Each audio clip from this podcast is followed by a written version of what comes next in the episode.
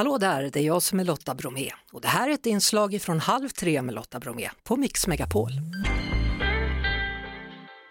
Olivia Lobato och Björn Holmgren har ju haft hits på varsina håll men nu har de också slagit sig samman och gjort en gemensam låt. Välkommen båda två till Halv tre. Tack så mycket. Eh, Ni har ju båda två haft framgångar via TikTok då. Eh, Hur är det egentligen att slå igenom som artist idag Olivia?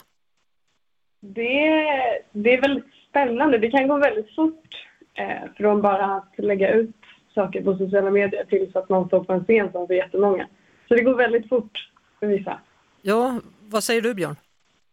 Ja, alltså, jag, jag vet liksom inte hur det är att göra det på andra sätt. Eh, men som, som Olivia säger, att här, det går så extremt fort så att man hinner knappt med själv. Hur märkte du då att det var någonting som hände med ditt konto?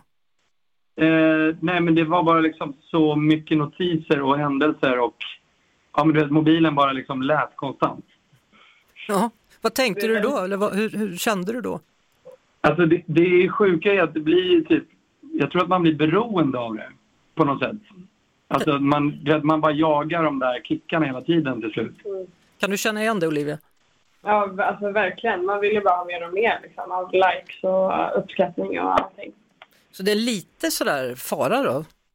Det kan vara, men man får väl... eh, Ja, man får nöja sig efter ett tag.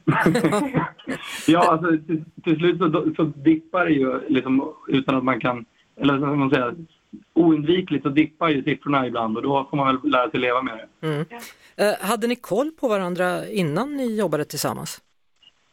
Eh, Jag hade kollat, eh, eller jag hade lite koll på Björn tidigare, men vi stötte ju på varandra på ett event och vi hade ju aldrig träffats förut. Ehm, Hur är det med dig Björn? Följde du Ja. eh, Olivia?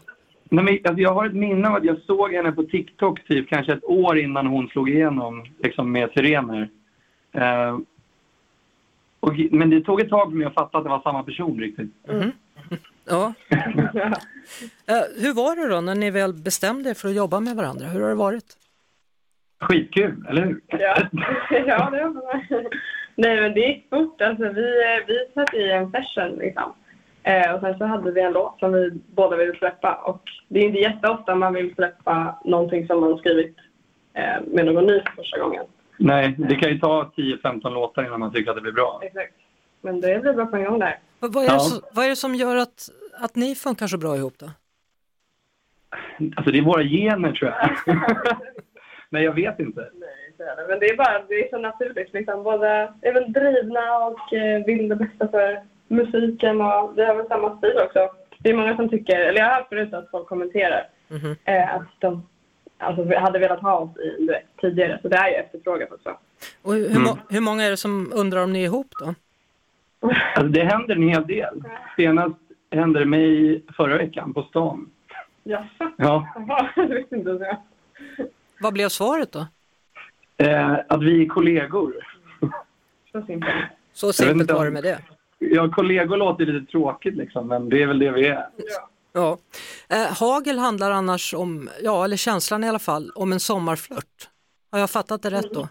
Ja, men det stämmer. Berätta mer. Det är väl, eh, alltså haglar, haglar är ju väldigt intensivt. Liksom, när det haglar så gör det, det gör det fort och det är snabbt och det är mycket hagel på en gång. Och sen tar det slut väldigt drastiskt. Så kanske det till och med kommer lite sol efter. Men vi tänkte att det skulle vara liksom, en sommarflört är ju under sommaren, de här intensiva månaderna. Det är mycket som händer. Eh, Man träffar många nya personer men så kommer ju liksom alltid schemat och rutinerna tillbaka. Och de kommer ju ikapp och då kan det ju sabba, sabba väldigt många relationer. Det var det. Vi hörs såklart igen på Mix Megapol varje eftermiddag vid halv tre. Ett poddtips från Podplay.